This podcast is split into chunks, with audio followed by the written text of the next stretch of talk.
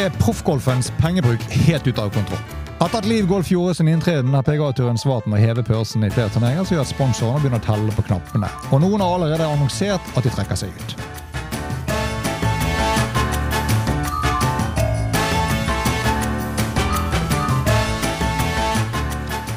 Hei, velkommen til en ny episode av Golf Plug, presentert av Tuta Golf. For i lys av John Rams overgang til Liv, så var den siste indikatoren på at kampen for proffgolfens fremtid sannsynligvis ikke vil ende innen 31.12., som da er fristen for PGA-turen og Saudi-Arabias offentlige investeringsfond til å komme frem til en endelig partnerskapsavtale. Kanskje de bør lage en prenup-avtale. Rams avtale er verdt rapporterte 566 millioner dollar, som er så latterlig mye penger. Og i hindsight kan, eh, kan nok ikke forsvares på noen måte. Og om Ram selv mener han er verdt det, ja, da er vel selvinnsikten dratt fra hans adresse for en stund siden. For det eneste den spanske oksen har på, klart å gjøre her, er å provosere de som sitter på PGA-turens side av forhandlingsbordet med PF i timene før han signerte den avtalen. PFs tilbud til eh, den tredje rankede spilleren i verden har ikke vært noen nyhet. Eh, Statlige fond har jo tross alt allerede forpliktet seg for godt over to milliarder dollar til liv. Og hva vil eventuelt prisen bli ved neste korsvei? For som alt annet så er det jo bare tidsspørsmål for det dukker opp nye spillere som er kanskje bedre og til og med er mer sjarmerende. Og har personlighet som tiltrekker seg istedenfor å gi sure oppstøt. Og på den annen side så virker det helt tåpelig å betale en spiller 566 millioner dollar om intensjonen likevel er et samarbeid. Kan det være at det ligger andre planer rundt bordet som ikke er kommet helt frem i dagens lys?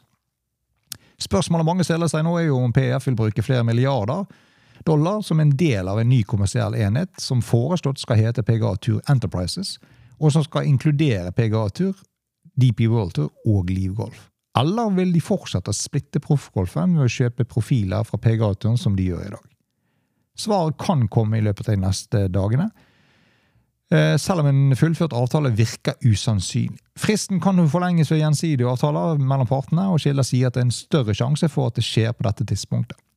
Med, men Rams avtale kan da øke følelsen av at det haster for PGA-turen, spesielt Terje Woods og de andre spillerne på PGA Tours policy board, for å gjøre nok en meningsfull fremgang i de kommende dagene. Kanskje tanken nå at de skal forlenge denne fristen til 31.12.2024, som virker mer realistisk tidsramme å få en avtale på plass. For det må jo være optimisme på begge sider om, en, om at en forlengelse kan bety at en avtale til slutt kan bli nådd. I et notat til PGA-turspillerne så uttalte PGA-styret nylig at de var veldig trygge på et eventuelt positivt utfall for alle spillerne og PGA-turen som helhet. Leser man litt mellom linjene, så høres det ut som den store forsinkelse for PGA-turens side er at spillerne ikke er fornøyd med hvordan PGA-turen er strukturert og styrt. Og skal vi tro på Victor Hollands siste uttalelse, hvor han sier at de har gjort en jævlig dårlig jobb med å styre dette, så er jo dette på sett og vis dette som førte til opprettelsen av Liv, og gjorde at de begynte å tiltrekke seg spillere for PGA-turen. Phil Mikkelsen ga jo uttrykk for at han ikke var fornøyd med akkurat det samme, og dette var en av begrunnelsene at han forlot PGA-turen til fordel for Liv. Og Det er jo en situasjon som spillerne nå sitter fast i, og det er spillerne i policyboardet, som inkluderer Petter Crantley, Charlie Hoffman, Peter Malnati, Webb Simpson, Jordan Speed, Tiger Woods, som har jo da utgjort det viktigste veisperringene for forhandlingene så langt, ifølge kilder. Rory McIlroys avgang fra policyboard 14.11 kom jo dagen etter et styremøte hvor McIlroy siterte personlige og profesjonelle forpliktelser som grunn til hans avgang, hvor han da samtidig ga uttrykk for at han var bekymret for PFs involvering i saken.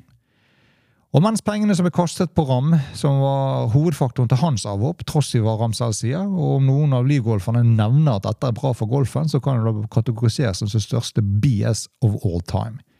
Finnes ikke et snev av troverdighet i en sånn uttalelse, med mindre de faktisk kan dokumentere at disse handlingene faktisk er med på å utvikle golfen i en positiv retning.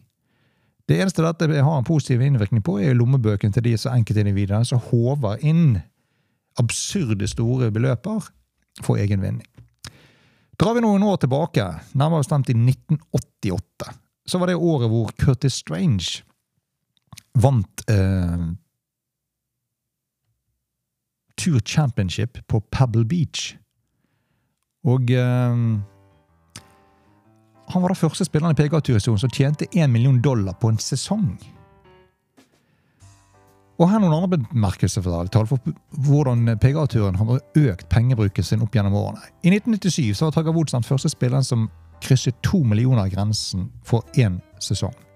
Etter og senere så bryter Woods gjerne på 7, 8 og 9 millioner.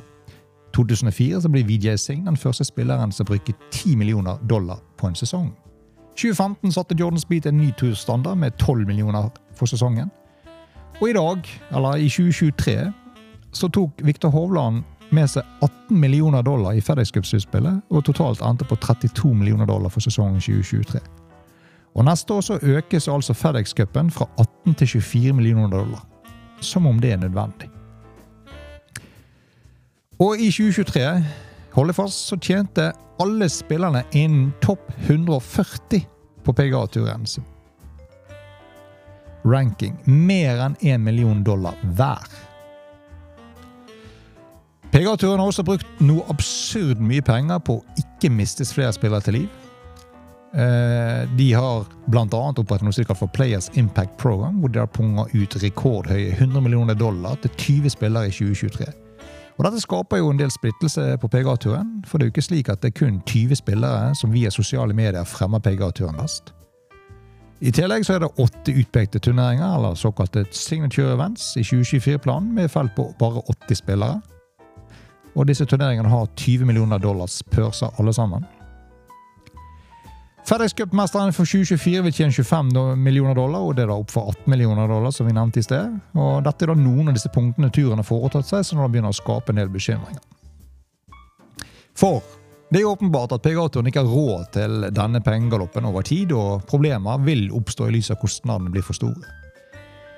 Nylig så annonserte Wells Fargo at uh, Wells Fargo Championship som er en av signature-eventsen på 2024-kalenderen, vil være bankens siste som tittel for sponsor. Turneringen som går på Quail Hollow, og har blitt sponset av Wells Fargo siden 2003, vil være siste gang de er med. Kilder forteller at utover eksisterende langsiktige avtaler så har PGA-turen prøvd å søke etter flere, mer finansiering fra sponsorer til disse signature-eventsene. Og minst en annen signature-event kan miste sin tittelsponsor også etter neste sesong. Og Dette er også indikasjoner på at selskaper med langsiktig relasjon til PGA-turen kan også bli varme opp til liv. Callaway Golf holder seg til John Ramm som sin store frontfigur, og Kilder bekrefter at merket har hatt samtaler med om å sponse livlaget hans. Og Dette er jo kanskje alarmerende i noen kretser, at noen av de viktigste samarbeidspartnerne nå begynner å trekke seg fra bordet og se på andre potensielle samarbeidslinjer. PGA-turen mottok jo ekstremt sterke forslag fra eksterne investorer eh, om måten å gå videre på, hvor da Strategic Sports Group, eller SSG, kunngjorde at det er veien å gå fra PGA-turen. Og SSG inkluderer jo Fenway Sports Group, som er morselskapet til Boston Red Sox, Pittsburgh Penguins og Liverpool Football Club. New York Mets-eier Steve Cohen og Atlanta Falcons-eier Arthur Blank, som er da bransjeveteraner som kan bidra til å flytte disse samarbeids forhandlingene tettere sammen.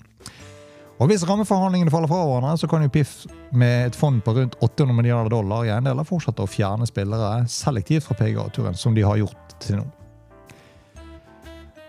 Og I motsetning til da Mikkelsen og de første spillerne forlot PGA-turen, så vil ikke tilbakeslaget ved Dra til Liv, som har vært skyldt for å være noe annet enn sportsforvaltningssatsing for saudiene, være det samme.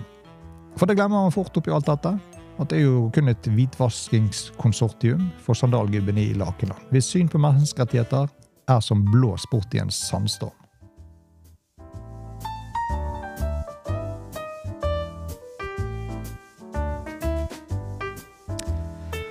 Og det er jo det som gjør de siste dagene 2023 avgjørende for sportens fremtid. PGA-turen er neppe den som stikker av og ikke søker forlengelse. Liv og PF trenger imidlertid forsikring om at en forlengelse vil føre til en avtale i 2024. Og I lys av det som foregår, så kan man undre seg på om dette er den riktige veien for golfsporten å gå. Vinnerne her er jo spillerne som vasser i penger og bygger seg opp store egoer, og som selv tror at de er verdt disse summene det her snakkes om. Og I andre enden så sitter den vanlige golferen, som stadig får økte kostnader på f.eks. utstyr, som skal være med å dekke opp for denne pengegaloppen. En driver koster i dag fort 5000-6000 kroner, og et jernsett med syv køller fort over 10 000, som er helt latterlig i seg selv. Og hvor lenge kan denne utviklingen holde på før det stopper av seg selv? 2500, rimeligste billetten online i dag, om du da skal dra og se på Livgolfs første åpningsturnering i februar. Du kan jo loffe rundt på å se på en shotgun-golfturnering i tre dager med begrenset tilgang. Om du blar opp 100 000 dollar, så får du tilgang til alle fasilitetene under arrangementet, bortsett fra spillebanen selv. Ville du betalt 100 000 kroner for å se på noen aldrende gubber på diett i shorts? Nei, trodde ikke det. Og det er vel kun medieturneringene samt Players Championship, kanskje type turneringer Waste Management og noen få andre som har såpass med tilskuere at det muligens går rundt, eller kanskje bare i null. Og kan hende det er på tide å ta på seg noen edruelige briller og gjenerobre bakkekontakten, for dette går helt av skaftet.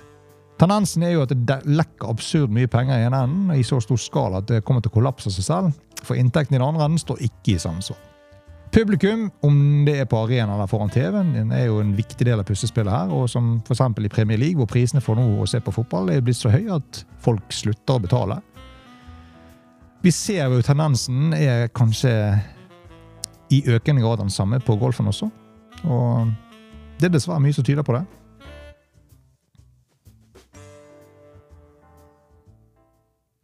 Og er dette rette veien å gå? En annen historie som begynte å lekke i eh, golfen, er jo at uh, Tiger og Nike skal skille lag etter 30 års langt samarbeid. Og det er ingenting som varer evig. og skal man tro ryktene, så er jo dette da et samarbeid som da har nådd eh, veis ende. Men ingen trenger å bekymre seg over at Tiger Woods kommer til å fryse uten noen klesavtale. Med så mye penger som han har, så kan jo både han og John Ramstad hver sine egne respektive klesmerker. Så slipper vi andre grunn til å bekymre oss over at det ikke er råd til klær. Det kan jo være om Tiger spør pent, så kan han hende få låne den stilige nye jakken til John Ramm.